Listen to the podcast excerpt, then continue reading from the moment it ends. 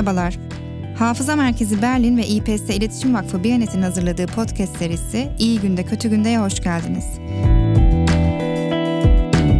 Bu seride konuklarımızla bir arada yaşamanın farklı biçimlerini, zorluklarını ve imkanlarını konuşuyoruz. İlk bölümde aileyi ele alıyoruz.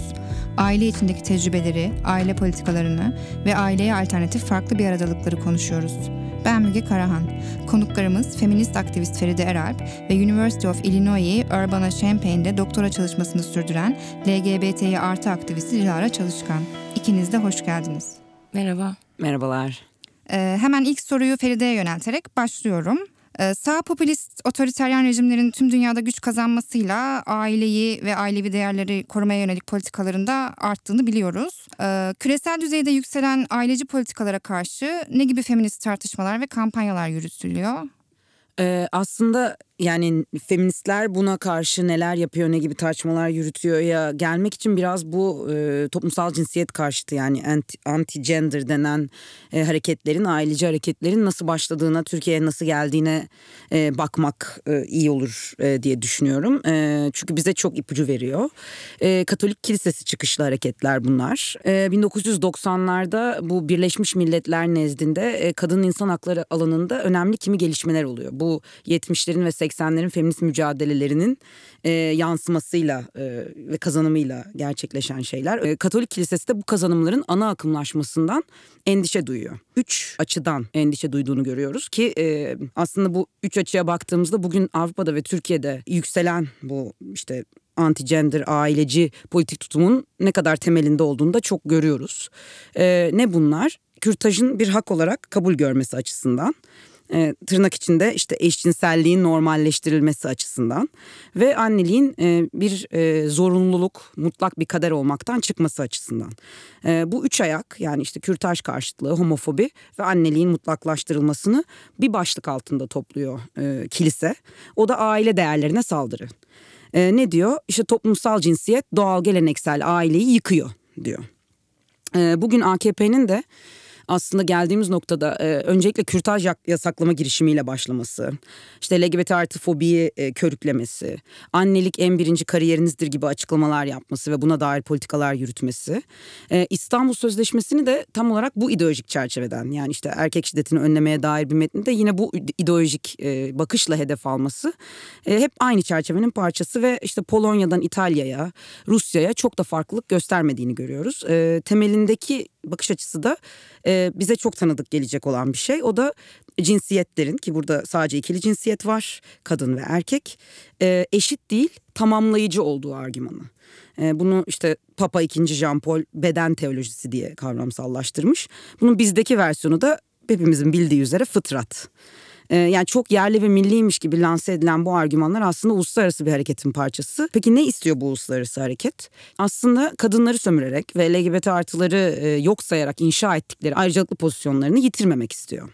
Yani e, geleneksel değer diyerek savundukları ailecilik meselesinde sadece belli bir çeşit aileye yer var. Dünyada işte 90'larda oluşmaya başlayan bu toplumsal cinsiyet karşıtı aileci ideolojik yapının e, ifade bulması e, 2000'lerin başını buluyor. Daha böyle bir eylemliliğe, protestoya e, dönüşmesi de 2012-2013 civarı. Yani sağ popülizmin yükselişiyle e, denk düşüyor. Özellikle Türkiye'de de yine aile merkezli politikalarda 2010'lardan itibaren bir hızlanma görüyoruz. Tabii bu şey demek değil yani aile merkezcilik 2010'da başladı demek asla değil. 2000'lerin ortasından çok itibaren çok fazla işareti var. Mesela 2008'de o dönem başbakan olan Erdoğan işte üç çocuk doğurun diyor kadınlara. Ondan itibaren sıklıkla tekrarlıyor bunu. Ama özellikle 2011'de bu e, bakanlığın adının değişmesi yani Kadın ve Aileden Sorumlu Devlet Bakanlığı adı değişiyor. Aile ve Sosyal Politikalar Bakanlığı oluyor. E, ki o günden beri iki kez daha değişti bakanlığın ismi. Bugün Sosyal Politikada değil Aile ve Sosyal Hizmetler Bakanlığı.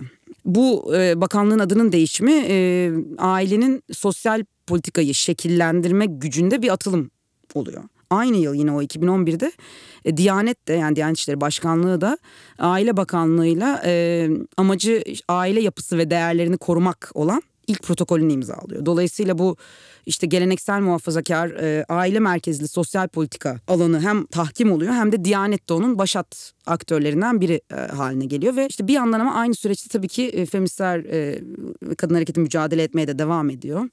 E, İstanbul Sözleşmesi imzalanıyor 6284 sayılı e, kanun çıkıyor ama 6284 sayılı kanun da aslında kadın yönelik şiddeti önlemek üzere e, çıkarılmış bir kanun. E, adı kadın yönelik şiddetin önlenmesine dair kanun olarak değil ailenin korunması ve kadın yönelik şiddetin önlenmesine dair kanun olarak çıkıyor. En son geldiğimiz noktada da işte bu 2016 yılında çok kritik bir rapor var. Ee, uzun adını söyleyeyim önce. Ee, aile bütünlüğünü olumsuz etkileyen unsurlar ile boşanma olaylarının araştırılması ve aile kurumunun güçlendirilmesi için alınması gereken önlemlerin belirlenmesi amacıyla kurulan Meclis Araştırması Komisyonu'nun raporu. E, kısa adıyla buna biz boşanma komisyonu olarak e, hep bahsedilir e, haberlerde vesaire.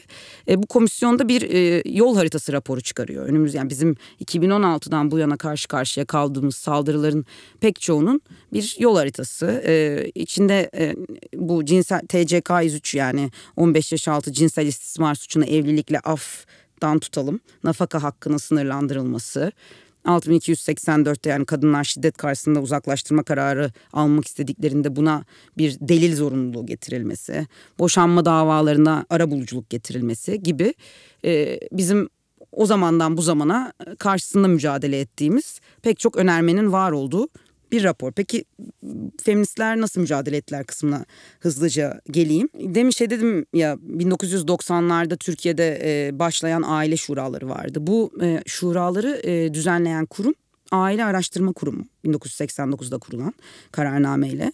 E, feministlerin bu e, çok meşhur bir boşanma eylemi vardır ya o o o e, tam bu Aile Araştırma Kurumu'nun kurulmasına karşı yapılan bir eylem. Çünkü Aile Araştırma Kurumu kurulurken deniyor ki işte kadınların çalışması aile yapısını bozuyor. Geleneksel değerleri yok ediyor. Boşanma oranları artıyor diyor ve e, milli değerler doğrultusunda güçlü aile yaratma hedefiyle e, bu kurum kuruluyor. Şimdi bundan neredeyse 30 yıl sonra yani 2016'daki boşanma komisyonu raporu da neredeyse tıpatıp aynı işte boşanma oranı artıyor endişesi ve yine milli değerler doğrultusunda güçlü aile yaratma hedefi. Aslında böyle o tarihten bu tarihe çok benzer bir şeyle mücadele ediyoruz biz. E, bunun karşısında feministler işte 2, 2 Kasım 1990'da 40 e, kadar feminist bu aile araştırma kurumunu kuran e, kararname geri çekilsin. E, biz bu bahsettiğiniz işte kadınların ezilmesine dayanan o güçlü ailelerden olmayacağız diyerek e, boşanma davası açıyorlar. Ee, sonrasındaki süreçte ne gibi eylemler olmuş, neler yapılmış, aile meselesi nasıl tartışılmış diye baktığımızda anneler günü eylemleri var aslında önemli bir yer kaplayan bizim feminist hafızamızda. E, ilki 1987'de Ankara'da oluyor Perşembe grubunun yani Ankara'daki ilk feminist eylem. Ee, anneler gününde işte annenizi seviyor karınızı dövüyor musunuz diye bir e, sözle o e, işte ayaklarının altına cennet serilen patriarkal annelik anlatısının e, iki yüzlülüğünü ifşa ediyorlar aslında. E, sonrasında mesela 2004'te şey var e, kadına yönelik şiddete karşı platform. 2010'da işte İstanbul Feminist Kolektif'in Kadın Cinayetlerine İsyandayız kampanyası vardı. E, o kampanya kapsamında da Galatasaray Meydanı'nda bir anneler günü eylemi yapıldı. En kapsamlı aile meselesini tartışan kampanyada 2013'te Sosyalist Feminist Kolektif'in yaptığı aile dışında hayat var kampanyası. Hem işte bakımı iyice kadınlar üzerine yıkar yıkan sosyal politikalarla birlikte güvencesiz kadın istihdamı.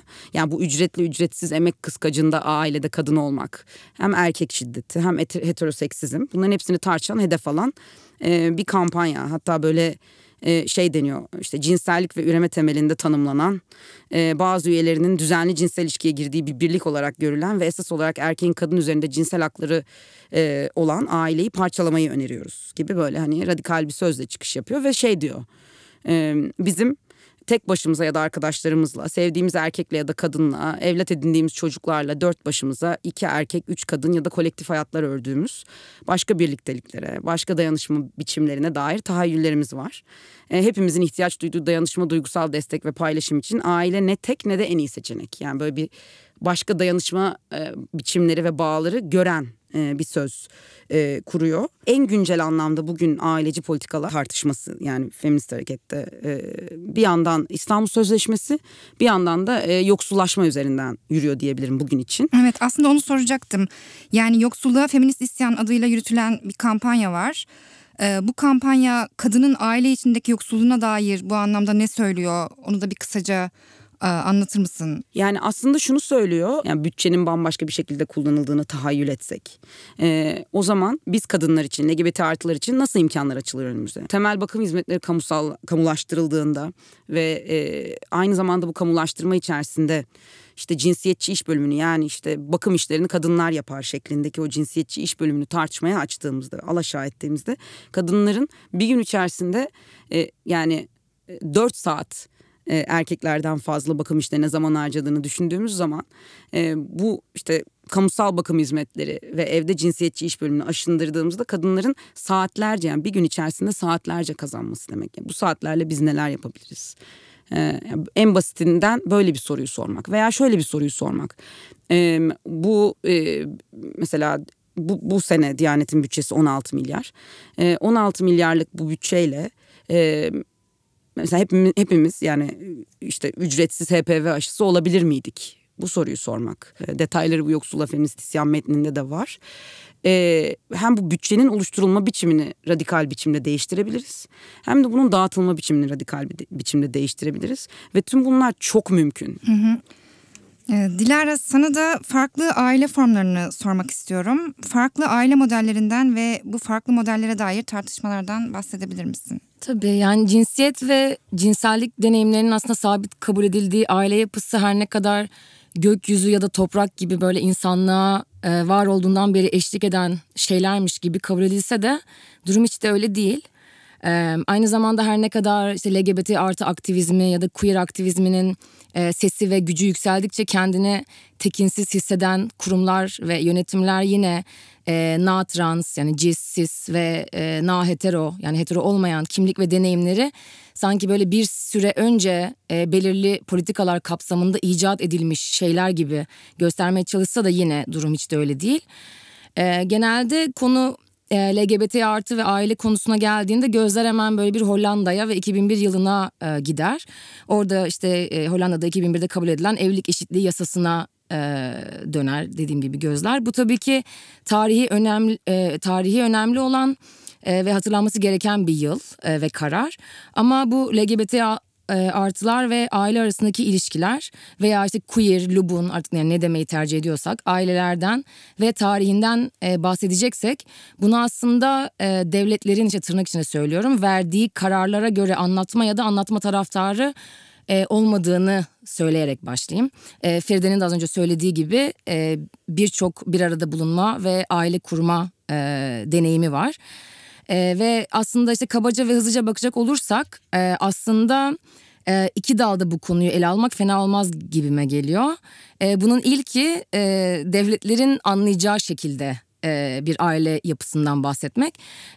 O da yani işte hetero ve na trans normatif olmayan kimliklerin yine tırnak içinde işte aile dışı kabul edilen yapısını kırmak için mücadele eden hareketin tarihi ve hafızası olur. Yani ne demek bu işte evlilikten bahsediyorsak bu illa bir işte sabit bir kadınlık ve sabit bir erkeklik deneyimine sahip olan ve arasında işte cinselliğin kabul edildiği, varsayıldığı e, çiftler arasında olmak zorunda değildir. İşte çocuk e, sahibi olmak e, deneyimi işte yine e, bu iki e, kişi arasında e, yaşanan işte ilişkilenme halinde halinin bir sonucu olmak zorunda değildir. E, bu kapsamda işte Avrupa ve Amerika'da evlilik yine işte dediğim gibi çocuk sahibi olma, evlat edinme gibi konularda eşitlik için sistematik bir şekilde hareket ediliyor yıllar boyunca. E, evlilik eşitliği için mücadele devam ederken de e, bu hareket birçok eleştiri alıyor. Tabii yine ilk akla gelen eleştiri bu işte yine tırnak içinde söylüyorum. Değerlerimizi yıkıyorlar e, aileyi mahvediyorlar. E, işte bunların gizli planını işte çözdük e, bulduk diyen gruplar oluyor tabii. İlk aklımıza bunlar geliyor. Akademi ve aktivizmin kesiştiği birçok noktada ve birçok ülkede LGBT artılar da aslında aile için olan mücadeleyi sadece evliliğe indirgememek gerektiğini söylüyorlar. Ve LGBT artılar ve ailenin kesiştiği noktalarda sadece e, evlilik eşitliğinin tartışılıyor olmasını da biraz böyle tırnak içinde neoliberal bir tantana e, olarak e, görüyorlar. E, bunun tabii oldukça önemli ve değerli bir eleştiri olduğunu düşünüyorum ben. E, çünkü ailenin aslında e, tam da devlet tarafından e, manipüle edilen e, duygusal, kültürel, yasal ve ekonomik pazarlıklar meydanı olduğunu düşünüyorum genel olarak. E, ama tabii ki yine dediğim gibi az önce yani bu e, eleştiriler e, evlilik eşitliğini e, işte herkes için savunanlar e, ve bunu işte neoliberal görenler gibi bir e, net çizgileri olan bir e, hareket ve tartışma değil. E, ve burada unutmamamız gereken çok önemli noktalar var. Küçük bir not olarak e, şeyi söylemek istiyorum. Yani örneğin birçok Avrupa ve Kuzey Amerika ülkesinde bu evlilik eşitliği... E, kapsamında cinsiyet kimliği ve cinsel yönelimi sebebiyle ülkesinden ayrılmış, ayrılmak durumunda kalmış, mülteci, sığınmacı ve göçmene e, bu yasalar barınma, çalışma, e, sağlık hakkı ve güvencesi sağladı ve sağlamakta bugün de.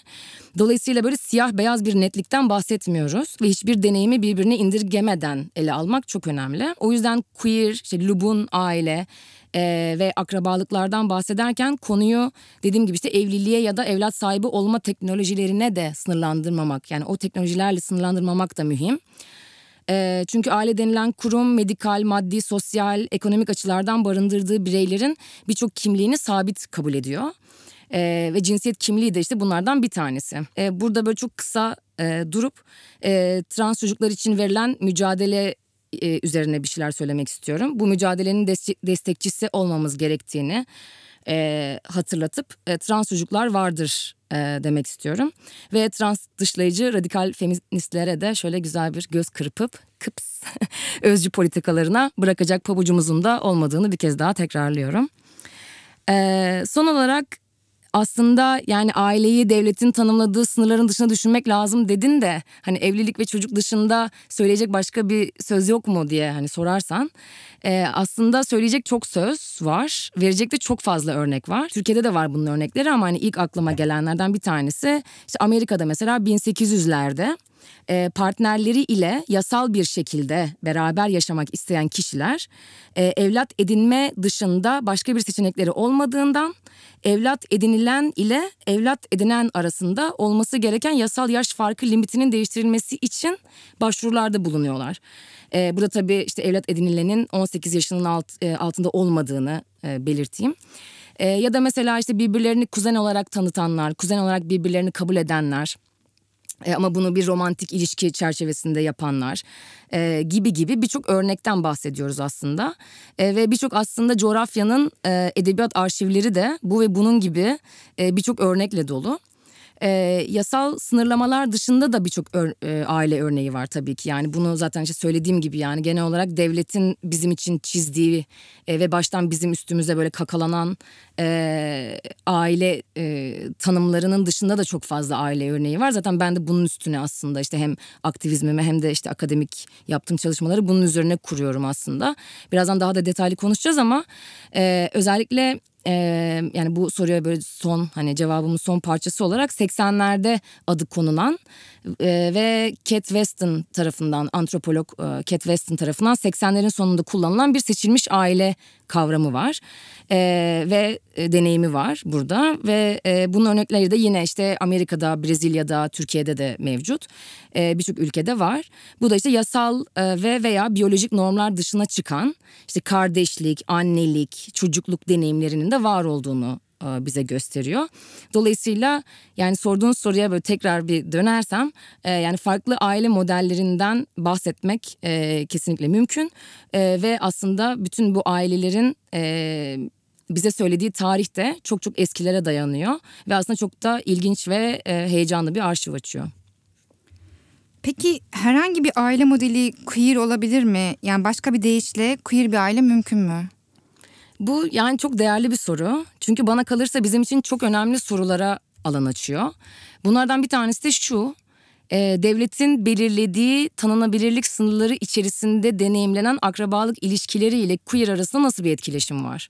Yani biz işte bunu sadece kimliklere mi indirgiyoruz, e, deneyimlere mi e, indirgiyoruz e, yoksa daha farklı bir şeyden mi bahsediyoruz? Ya da mesela işte queer ve devlet nerelerde bir araya geliyor, nerelerde e, işte yakınlaşıyor, nerelerde ayrışıyor gibi birçok soruya aslında e, alan açıyor bence. Kısacası e, queer aile ya da işte akrabalık ya da yakınlık derken de e, queer'i ya da lubunu ya da işte lubunyayı bu birlikteliğin parçası olan kişilerin kimlik ve yönelim e, deneyimlerinin ötesinde ele alma şansımızın olduğunu söylüyorum. E, Birçok aktivist ve akademisyen gibi e, queer'i kimliğin yanı sıra bir çeşit böyle normlarla sürekli pazarlık eden, oynaşan böyle bir e, araç gibi görüyorum aslında. Türkiye ve Türkiye dışında aslında Lubunyaların kurduğu yakınlıklar ve normatif aile pratikleriyle yaptığı pazarlıklardan da ilham alarak queer ailenin de aslında çok geniş bir açısı olduğunu görüyoruz. Dolayısıyla dediğim gibi yani evlilik eşitliği e, ve işte çocuk sahibi olma konusunda kazanılmış hakların dışında e, sadece e, birlikte olmak ve farklı bir aradalıklar e, üzerinden belirli evler, işte belirli aileler inşa etmiş birçok örnekten bahsediyoruz. E, mesela işte yani bazılarımızın bildiği e, belki de izlememişsinizdir. İzlemediyseniz tavsiye ederim. Netflix'te Pose diye bir dizi var mesela. E, o dizi, dizide de mesela işte yine e, Amerika'da, New York'ta e, 80'lerde e, yaşayan işte Latin ve e, siyah LGBTQ artıların e, birlikte e, bir araya getirdiği e, bir aile kavramından bahsediyoruz. Bir aile deneyiminden bahsediyoruz daha doğrusu. İşte bir ailenin bir e, annesi oluyor. İşte onun çocukları oluyor. O çocuklar geliyor, gidiyor, değişiyor, yenileri geliyor, gelmiyor vesaire. Ama orada böyle bir hani bir bir aradalık, babanın vesairenin olmadığı, lafının bile geçmediği hatta bir böyle annelik ve çocukluk ilişkisi kuruluyor. Ve aslında e, temel cevap bence queer ve ailenin bir araya geldiği birçok örnek olduğu. Bence queer ailenin ne olduğuna dair net bir tanım e, yok. Ve bence olmamalı. Yani olmaması zaten bize bu kadar heyecanlı bir alanı açıyor. Dilara sana bir de senin çalışma konunla ilgili bir şey sormak istiyorum. Tezinin çalışma konusu olan trans anne kız deneyimleri tüm bu konuştuğumuz farklı bir arada yaşama biçimleri ve aile modelleri arasında nereye düşüyor? Bu ilişki biçimi neden ve nasıl ortaya çıkmış? Kısaca bundan da bahsedebilir misin? Tabii. Bu anne yani ben genel olarak trans kadınlar arasında, trans deneyime sahip kadınlar arasında karşılıklı olarak kurulmuş annelik ve kızlık ilişkisi üzerine e, çalışıyorum. Ve genel olarak da e, bu deneyimlere hafıza aktarımı üzerinden bakıyorum. E, ve aslında trans deneyime sahip kadınların da hafızayı birçok açıdan e, nasıl bir aradalık alanı olarak sunduğunu araştırıyorum. Trans anne kızlık ilişkisini aslında bir çeşit böyle bir direnç örüntüsü e, gibi görebiliriz. E, çünkü bir yandan bu ilişkiye tanıklık etmiş ya da parçası olmuş birçok insanın da yani söylediği gibi sistematik bir şiddet sarmalının içinde bırakılmış ve çıkmasına da izin verilmeyen e, bir grup insandan bahsediyoruz yani birçok insandan bahsediyoruz. Bu yani bu bir şey gibi oluyor yani direncin arşivi gibi e, oluyor. Yani feminist harekette de gördüğümüz gibi. Bu e, trans anne kızlar arasında bu bazen cinsiyet uyumlama süreciyle ilgili oluyor. O, o konuyla ilgili olan işte çok teknik ve çok detay bilgiler var. O, o konular hakkında olabiliyor. Bazen büyük şehirlerde nasıl hayatta kalırımın bilgisi oluyor.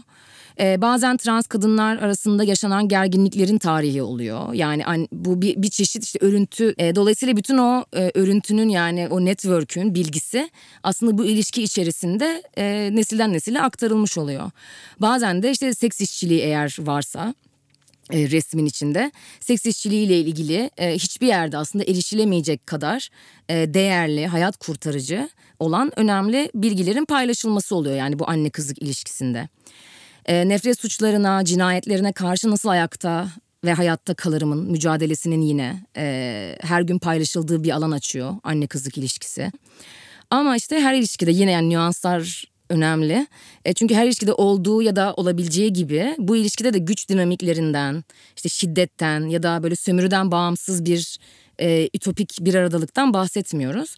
O yüzden bütün bunları söylerken böyle lubunlar, işte el ele başka bir aileye falan gibi böyle bir slogan da yok.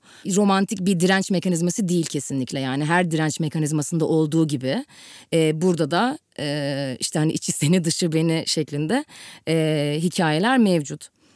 E, ancak bize genel e, queer aile örneklerine eleştirel bakma ya da queer aileyi ele almada kullanabileceğimiz e, önemli öğeler sunuyor diye düşünüyorum.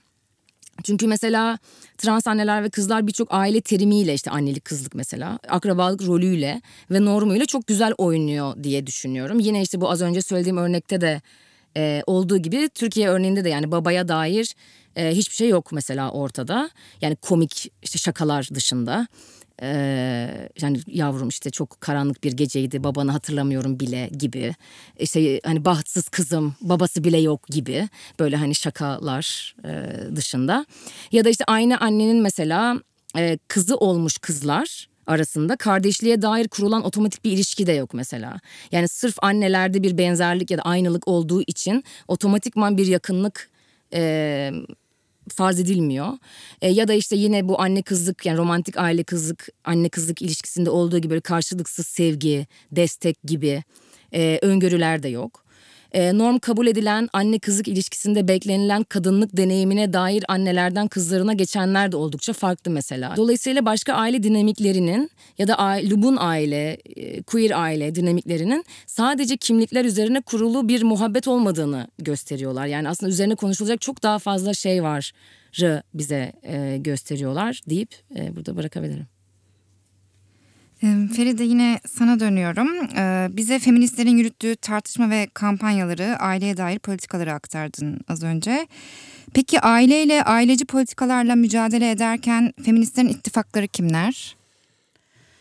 Ee, zor bir soru ee, çünkü feministlerin e, örneğin işte erkek şiddetine kadın cinayetlerine karşı mücadele ederken e, çok fazla ittifakları var ama aileye dokunmak yani aile konusu başka bir mesele e, aileyi tartışmak demek e, toplumun böyle en temel yapı taşını tartışmaya açmak demek. E, bu yapı taşı de, yapı taşı da e, toplumu e, sadece AKP açısından değil genel anlamıyla devlet e, açısından yönetilebilir kılıyor. Çünkü toplumu düzenliyor. Hani Dilara'nın da bahsettiği gibi zıtlıklar üzerinden en temelde bir özel kamusal ayrımı üzerinden toplumu düzenliyor. Ee, bu açıdan e, yani toplumu düzenle toplumu düzenleyen bir, bir mekanizma olduğu için e, muhalif güçler, muhalif hareketler içinde e, bir müzakere alanı aile. E, böyle toplu bir reddiyesini konuşmanın e, daha zor olduğu bir alan. E, ve elbette muhalif erkeklerin çıkarları da e, söz konusu. E, bu işte kimi sol sosyalist çevre, sol sosyalist çevreler açısından da böyle ana akım muhalefet açısından da farklı biçimlerde bu böyle. E, mesela işte Kürt hareketi bunu e, zamanında işte aile kurumunu alaşağı etmek değil de aileyi demokratikleştirme e, çerçevesi üzerinden tartışıyordu örneğin. Hani e, farklı biçimlerde farklı hareketler tartışmaya açıyor. E, queer aile üzerine uzun uzun anlattı e, Dilara'da mesela. Hani orada da işte bir böyle alaşağı etme yerine böyle bir çeşit hani e, formuyla oynama, kendinin kılma, işte bozma, yapı bozuma uğratma. Yani e, farklı hareketler farklı şekillerde hmm, e, farklı çevreler farklı şekillerde e, aile meselesiyle baş etmeye çalışıyor. E, aile konusunda hatta bu genel anlamda bir m, kadın hakları hareketi ile feminist pozisyonun yani feminist hareketin de aynı yerde durduğu söylenemez. Hatta feministler içerisinde de e, fikir ayrılıkları olan bir konu. E, ama e, konu aile değil de e, ailecilik yani aileyle aileciliği e, birbirinden ayırarak düşündüğümüzde e, ne kadar tamamen ayrılabilir tabii ki bir tartışma. Ee, özel olarak da işte AKP'nin aileci politikaları e, üzerinden konuşulduğunda tabii ki daha kolay ve daha geniş bir ittifak hattı mümkün olabiliyor. E, feministlerin ittifakları kimler deyince tabii ki ilk akla gelen LGBT artı hareketi. E, yani zaten e, ta öncesinde de söylediğim gibi ta 90'lardan beri sadece Türkiye'de değil dünyada da bu işte kürtaj karşıtlığıyla eşcinsellik karşıtlığının el ele gittiği, eşcinsellik aileyi yıkıyor diyenlerin bir sonraki cümlede kadınların çalışması aileyi yıkıyor dediğini düşünürsek bu zaten hani şaşırtıcı olmayan bir ittifak. Ee, İstanbul Sözleşmesi sürecinde de gördük mesela işte homofobiyle erkek egemenliğinin, e, homofobiyle transfobiyle erkek egemenliğinin nasıl birbirine e, dayanak olduğuna, dayanak haline geldiğine bir kere daha tanıklık ettik. E, çünkü geleneksel aile dediğimiz tam anlamıyla yani heteropatriarkal bir düzenek. E, yani dolayısıyla heteroseksüelliğin, ikili cinsiyetin tartışmaya açılmasına da yer yok kadınların ikincil pozisyonlarına o ikili cinsiyet sistemi içerisinde ikincil pozisyonlarına itiraz etmesine de e, yer yok.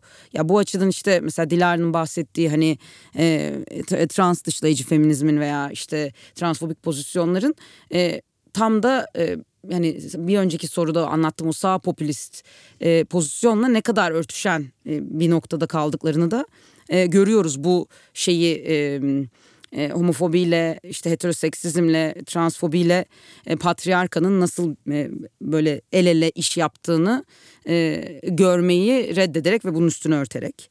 E, ama dediğim gibi bu ittifak kurması e, zor bir konu. Niye zor bir konu? Aileyi tartıştığınızda erkeklerin ayrıcalıklarını, işte özel alandaki tahakküme dayanan ayrıcalıklarını tartışmaya açmış oluyorsunuz. Aslında bir erkeğin e, kadınlar üzerindeki hakkını aslında yani cis bir erkeğin cis erkek olmayan herkes üzerindeki hakkını e, tartışmaya açmış oluyorsunuz ve bu pek çoklarının işine gelmeyen bir şey. Ee, yani şöyle bir yerden baktı, baktığımızda bile işine gelmeyen bir şey. Yani kadınların ücretlendirilmeyen bakım işleri yılda e, dünya genelinde e, yani birkaç yıl öncenin sayısıdır.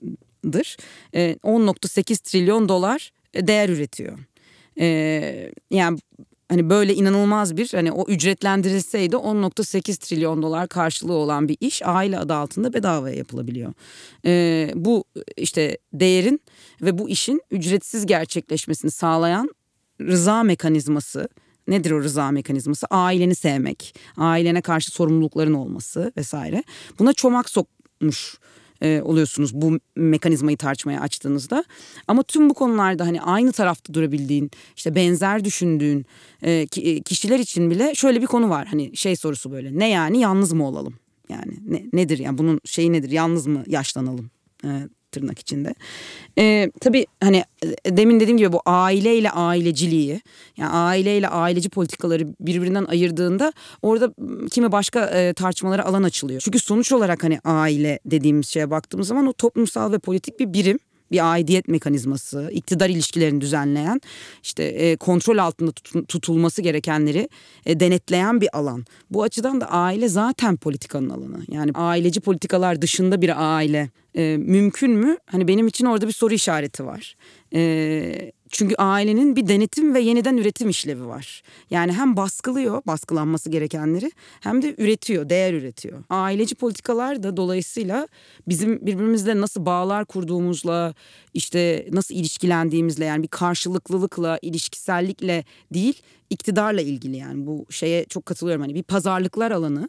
E, bu pazarlıklar alanının da e, farklı e, politik pozisyonlar farklı yerlerinde duruyorlar. E, en geniş anlamıyla ittifak sorusuna böyle cevap verebilirim sanırım. Bazı erkekler, kurumlar, siyaset sahnesindeki bazı aktörler de kadınlarla, feministlerle ittifaka niyetliymiş gibi hamleler yapabiliyorlar zaman zaman. Örneğin 8 Mart'ı pek çok kurum kutluyor. Pek çok yerel yönetim ve kurum işte İstanbul Sözleşmesi'nden çekilme kararı çıktığında kampanyalar yürütüyor. Ama öte yandan senin de daha önce katıldığın bir programda dile getirdiğin gibi e, bu kurumların ya da bu yerel yönetimlerin, bu iş yerlerinin e, yeterince kreş yok ya da hiç kreşi yok. E, bu anlamda yani bakım emeğini yine aile içinde kadına yüklüyor. E, bu anlamda gerçekten ittifak niyetiyle yola çıkıldığında e, nasıl somut adımlar olabilir?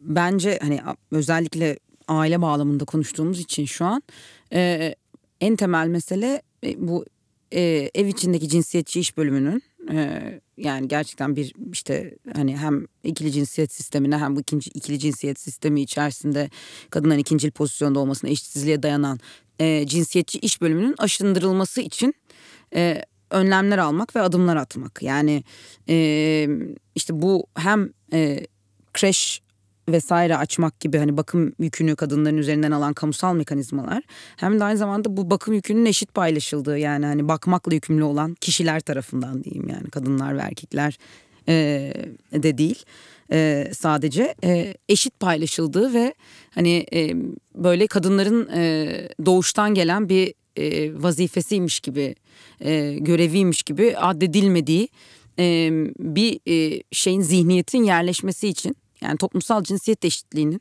e, ge, yani genele yayılması e, bu anlayışın genele yayılması için e, yani çok küçük yaştan itibaren eğitim sisteminin de bunun etrafında şekillendirilmesi demek örneğin e, kurumların kendi kurum içi eğitimlerini e, bu bu biçimde şekillendirme şekillendirmeleri demek. izin politikalarını bunun etrafında, ücret politikalarını bunun etrafında şekillendirmeleri demek.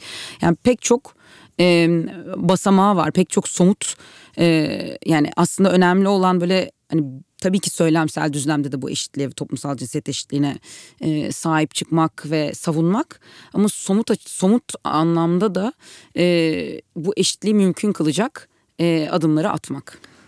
Ee, ittifak sorusunu sana da soracağım Dilara. Farklı bir arada yaşama biçimlerini deneyimlerken Lubunya'nın, Lubunların ittifakları kimler? İttifakları düşününce, ittifaklar üzerine düşününce e, dil üzerine konuşmak çok önemli diye düşünüyorum. O yüzden burada aslında yani kullandığımız dil, e, mücadelenin dili e, kimlerden besleniyor? E, kimlerin hangi söylemleri işte günümüzde e, bizler tarafından kullanılıyor gibi işte birçok soruya alan açıyor. Ee, özellikle Lubunların arasında işte uzun yıllardır konuşulan ve kullanılan e, bir dil olan Lubunca'ya e, biraz değinmek istiyorum. E, bu dil aslında e, yani üzerine çok fazla e, etimolojik olarak yani çalışma e, olmayan ama e, yani bir tane Nicholas Kontovas'ın yaptığı bir araştırma var. O araştırmada da e, aslında çok uzun yıllardır yani kullanılan bir dil olduğu içerisinde de işte yani Türkçenin yanı sıra Ermenice, e, Kürtçe, Arapça, e, Yunanca, Fransızca, İtalyanca ve e, Romence kelimeler olduğu. E, çok fazla e, kelime yok içerisinde 300 civarında diyebiliyorum. E, ve aslında yine ilk bakışta yani bu araştırmaların bir kısmında da bu şekilde söyleniliyor. Genel olarak hani güvenlik e, ve gizlilik temelli bir dil olarak e, görülüyor. E, ve işte bu dilde de yani e, Türkçenin yanı sıra işte az önce söylediğim gibi işte Ermenice, Kürtçe, Arapça, Fransızca, İtalyanca, Romence kelimeler var. Ve yani işte bütün bunlar tesadüf mü e, diye insanın sorusu geliyor. Ee, ve aslında buradan da işte aslında şunu düşünüyorum yani bence trans anneler ve kızlar yani aslında tüm Lubunca konuşan herkes e, sosyal ve zamansal normlar içinde ele alınan hafıza aktarımını da bence biraz böyle çomaklıyor gibi hissediyorum. Yani bunu belki de bir ittifak olarak görebiliriz diyorum. Farklı zamanlarda benzer deneyimleri yaşamışların, yaşayanların ve belki de ne yazık ki yaşayacakların dilleri e, Lubunca'da bir araya gelerek belki de bir çeşit ittifak kuruyor cinsiyetçi, ulus devlet şiddetine karşı diye düşünüyorum. Ee, ikinize de benzer bir soru soracağım. Önce Feride'ye yönelteyim. Aileyle ilgili gelecek tahayyüllerini bir arada yaşam perspektifinden nasıl görüyorsun? Şimdi ailenin e, en temel dayanışma ilişkisi olarak e, tek yani gelecek tahayyüllerinden bahsediyoruz ya tek gelecek güvencesi olarak vaat edildiği ve bir de bunun bir e, koşulsuzluk ilüzyonu. Yani koşulsuz sevgi tek ailede var algısı altında yapıldığı bir düzende yaşıyoruz bugün. E, sanki buna karşı çıkmak da e, dayanışma ihtiyacının, sevgi bağının kendisini reddetmekmiş gibi oluyor. Ama öyle değil e, gelecek tahayyülleriyle ilgili ilk bunu söylemek lazım. Aslında dert bu koşulsuzluk ilüzyonunu yıkmak. Yani ailenin ne kadar da koşullu bir ilişki biçimi olduğunu, e, kadın olarak LGBT artı olarak senden beklenen karşılığı vermediğinde yani makbul olmadığında, e, sana güvence olarak vaat edilen, e, işte seni yaşatacağı iddia edice, edilen o, o yapının e, seni nasıl öldürdüğünü, süründürdüğünü ifşa etmek. E, gelecek tahayyülü içinde dolayısıyla e, şey diyebilirim yani farklı bir birlikte yaşam. E, yalnız ve açıkta kalmamak için zorunda kaldığın bir şey olduğunda aile ona mahkum oluyorsun.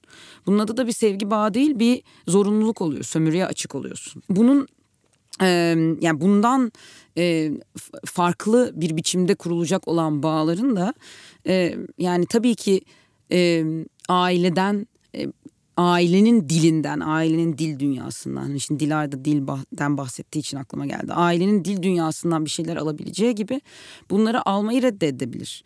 Yani mesela bu feminist hareketlerde e, işte Türkiye'de de dünyada da çok bu kız kardeşlikten bahsedilir ya. Yani bunun adını kız kardeşlik koymak zorunda değiliz mesela. Ben karşı olduğumdan değil ama e, bu, bu böyle bir şey vardır ya hani arkadaşındır birisi hani daha üst bir mertebeden bahsetmek için kardeşim gibi dersin. Mesela hani kardeşlik böyle arkadaşlığın daha üst bir versiyonuymuş gibi ya da e, yoldaşlığın yani başka türlü ilişki biçimlerinin e, illa böyle e, şeyin e, bir yani aile dilinin veya ailenin bir versiyonu e, olmasının gerekmediğini kendimize hatırlatmak da bunun bir parçası.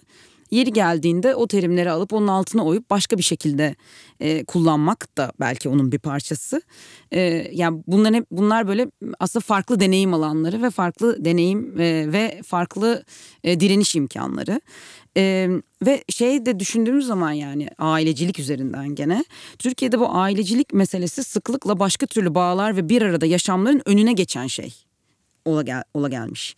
Yani şey denir ya mesela aile var ne yapıyorsunuz? Yani böyle şey gibi ailenin olduğu yerde öpüşemezsin. Ailenin olduğu yerde eğlenemezsin. Ailenin olduğu yerde da, dans edemezsin. Yani aile varsa o zaman sen ben biz olamayız mesela orada yani. Şey gibi böyle birbirini dışlayan şeyler gibi. Ya da mesela aile apartmanı denir. Aile apartmanı ne demektir? Kimlerin içinde yaşı, yaşayamayacağını ifade eden bir şeydir. Yani kimileri yaşayamaz orada. İşte yani Türk değilsen, Sünni değilsen, heteroseksüel değilsen vesaire değilsen, evli değilsen yani tek tip bir mekandır mesela aile apartmanı. Yani tek tip bir gelecek tahayyülü vardır. Ee, işte kendisi gibi olmayana, kendisine tıpatıp benzemeyene bir yaşam alanı tanımaz. Ee, o açıdan böyle bunu e, dönüştürmeyi, değiştirmeyi, farklısını, farklı bir bir aradalık biçimi e, tahayyül ettiğim zaman bence bir yandan da yıkıyoruz aileyi. Yani aileyi yıkmak meselesi böyle bir e, sevgi bağını, dayanışmayı, e, ilişkiselliği, karşılıklılığı filan reddetmek e, anlamına gelmek zorunda değil. Ee, Dilara sana da soracağım aynı soruyu. Lubunya aileyle ilgili gelecek tahayyüllerini bir arada yaşam perspektifinden nasıl görüyorsun? Ee, yani aslında işte buna cevabım e, queer aile modellerine olan cevabımla çok benziyor aslında. Yani genel olarak e, nasıl ilerleyeceğine dair bir fikrim yok. Bir fikrim olmadığı için de aslında çok heyecanlıyım ve mutluyum. E, o yüzden aslında e, yani genel olarak Feride'nin söylediğine ek olarak e, aklıma gelen e, bir arada yaşamın aslında e, ne olduğundansa e, nasıl deneyimlendiğini ve nasıl beklenmedik kesişimler sağladığına odaklanmanın üzerine biraz daha düşünmek belki aslında e, bu yani bir arada yaşam perspektifini birazcık daha eleştirel bir şekilde ele almak için bize bir alan açıyor olabilir diye düşünüyorum. Ee, her bölümde tüm konuklara sormak istediğim bir soruyla bitirelim. Ee, iyi günde kötü günde bir arada yaşam hayalini bir cümleyle anlatır mısın? Seninle devam edebiliriz Dilara. Yani bunu duyduğumdan beri havalı bir cümle düşünüyorum ama asla bulamadım. Ee, yani az önce dediğimi aslında birazcık daha e, devam ettireyim yani bir cümleyle. Bir arada yaşamın dediğim gibi yani nasıl olması ya da ne olması gerektiğine dair e, sabit e, kural ve anlamların olmadığı bir yaşam olurdu herhalde hayalim. Ee, Feride sen iyi günde kötü günde bir arada yaşam hayalini bir cümleyle anlatır mısın? İyi günde kötü günde diye başlayınca evlenmeden diyesim geldi benim de. ee, öncelikle onu diyerek başlayayım. Ee, ama bir cümleyle ifade etmeye çalışırsam yani ezmeye, ezilmeye, işte sömürüye, hani güçlü olanın güçsüz olandan e, fayda sağlamasına, fayda sağlarken de buna bir takım kılıflar üretmesine değil karşılıklılığa, özerkliğe, eşitliğe dayalı işte heteropatriarkanın, kapitalizmin, sömürgeciliğin olmadığı bir dünya hayal edelim.